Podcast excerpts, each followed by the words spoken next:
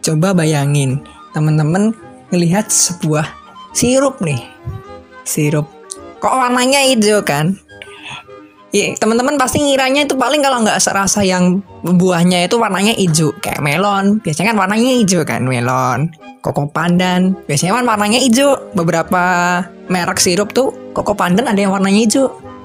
Bisa jadi itu mungkin mangga, mungkin meskipun ya mangga beberapa ada yang warnanya kuning atau oranye.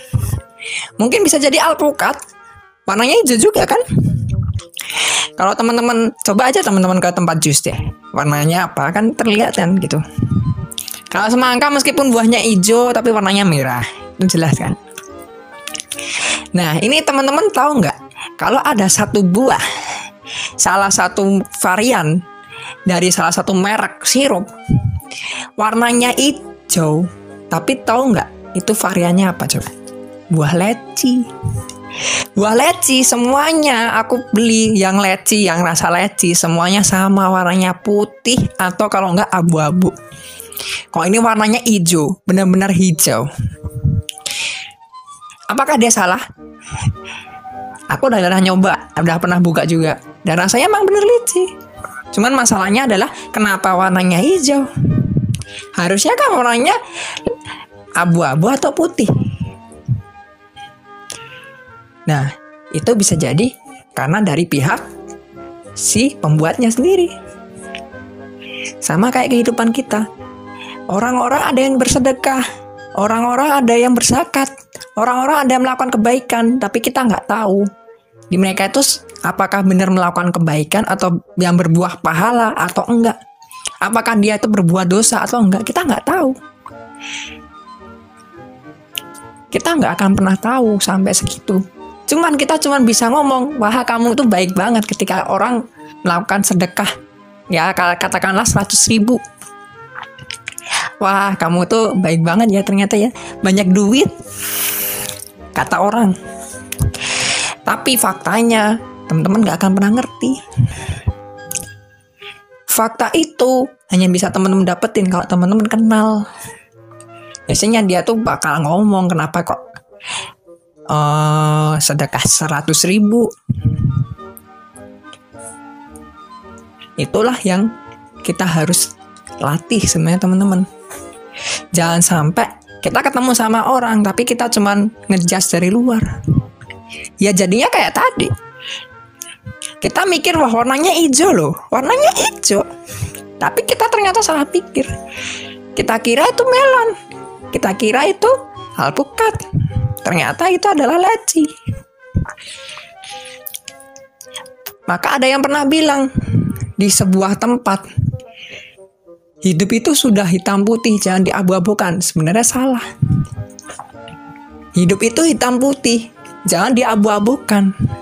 Itu salah satu temanku influencer muslim loh. Padahal jawabannya itu salah. Hidup itu abu-abu. Emang benar abu-abu. Jadi jangan kamu treat semuanya hitam atau putih. Karena kita akan nggak akan pernah ngerti kadar putih sama hitamnya seberapa. Itulah yang kadang kita tuh lupa banget. Dan banyak loh yang aku temuin seperti itu banyak.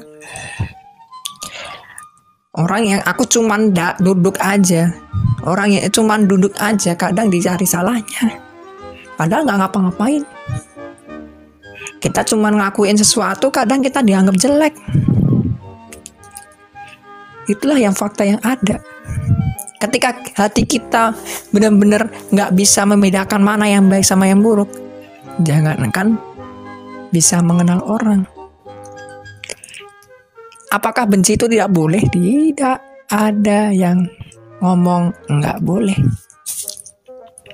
kenapa aku bilang kayak gitu benci itu mah biasa aja kan yang penting jangan sampai benci itu menutup semuanya. Ketika benci itu sudah menutup kebuta apa menutup hati, ya butalah semuanya. Nanti ujung-ujungnya seperti tadi.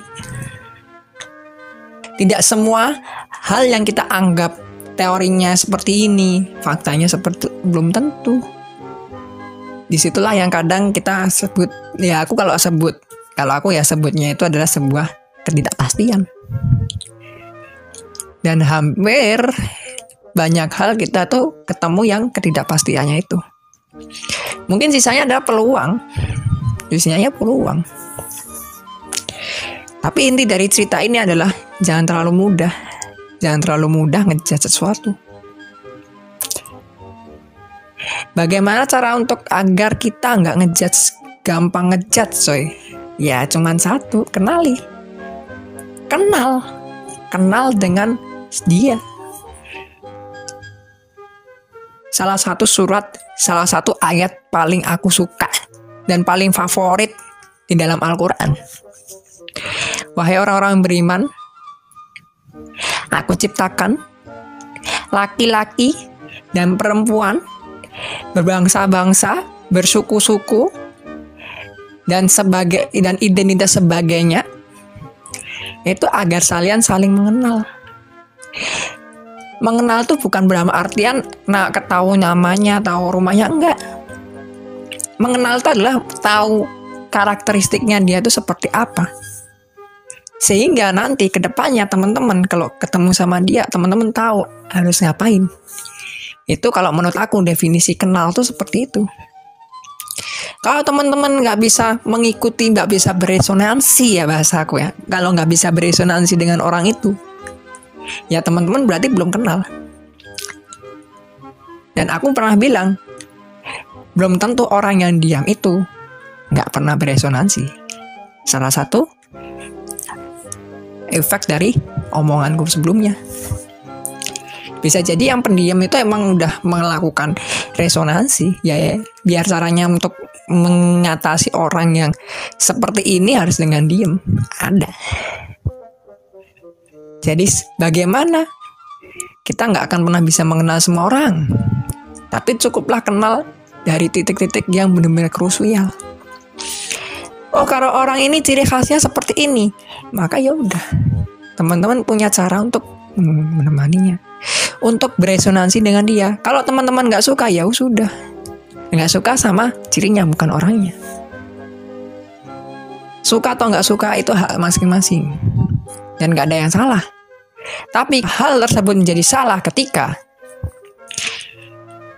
teman-teman merasakan kemarahan kepada dia dan akhirnya teman-teman menyebarkannya pada orang lain. Sama seperti tadi, warnanya hijau, Teman-teman ngasih tahu ke orang lain tuh warnanya hijau tuh melon, jangan diambil. Eh itu warnanya hijau melon, jangan diambil padahal tuh leci. Ngeri nggak? Salah satu ayat itu selalu aku tuh selalu aku pakai, selalu aku uh, jadikan sebagai dasar hidupku untuk mengenal banyak orang. Meskipun aku orangnya bukan uh, tipe sosialita ya, yang gampang uh, berbaur sama orang.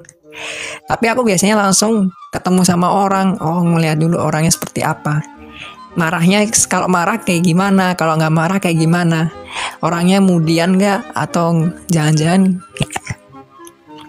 gampang tersinggung, bisa jadi kan.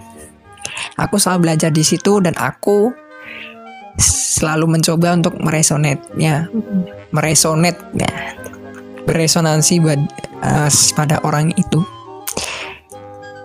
Kalau ada orang yang nggak suka sama aku, it's okay. Berarti dia belum resonate sama aku. Tapi aku mencoba untuk meresonate selalu. Meresonate orang-orang yang aku kenal. Dan aku nggak pernah memaksa orang itu untuk mengikuti aku. Karena bagiku, yang paling pertama dan yang paling utama dari hidup itu adalah mengenal bahwa Tuhan itu maha segalanya. Yang menguasai benar dan salah, yang menguasai hidup dan mati, yang menguasai surga dan neraka, yang menguasai takdir manusia itu hanya Allah. Bukan manusia. Bukan judge manusia. Bukan pandangannya manusia. Kalau dari aku, dari dulu, aku selalu mikir kayak gitu. Bagaimana hidup itu udah cukup pelik isinya cuma ngejudge orang. Ujung-ujungnya dia sendiri nggak nyaman. Kan lucu. Harusnya dengan ngejudge dengan mena-applicate the, their theory harusnya dia bisa benar-benar nyaman dan bahagia. Kok bisa nggak nyaman sih? Kan lucu harusnya dengan applicate their theory harusnya kan it's okay aja kan? Ya sesuai dengan ekspektasi. Jadi cukuplah teman-teman melihat dengan cara ngejudge cukup aja cukupin semuanya. Kalau teman-teman benar-benar perasaan kenal lah kenalilah orang itu. Deketin ngobrol biasa setelah teman-teman kenal teman-teman pasti tahu caranya untuk caranya untuk beresonansi dengan dia seperti apa. Nama aku Rido Pasopati owner of at Ridos underscore Pasop seorang penulis dan juga seorang pembuat konten yang aneh-aneh. Yang awalnya cuman lihat sirup kok tiba-tiba jadi religius? Karena buat aku sendiri nggak cuman hal-hal yang sifatnya religius pasti religius. Semua hal yang ada di dunia ini yang kita temui pasti religius. Kalau kita memandang dari sudut religinya. Nama aku Rido Sampai ketemu di obrolan kita selanjutnya. thank you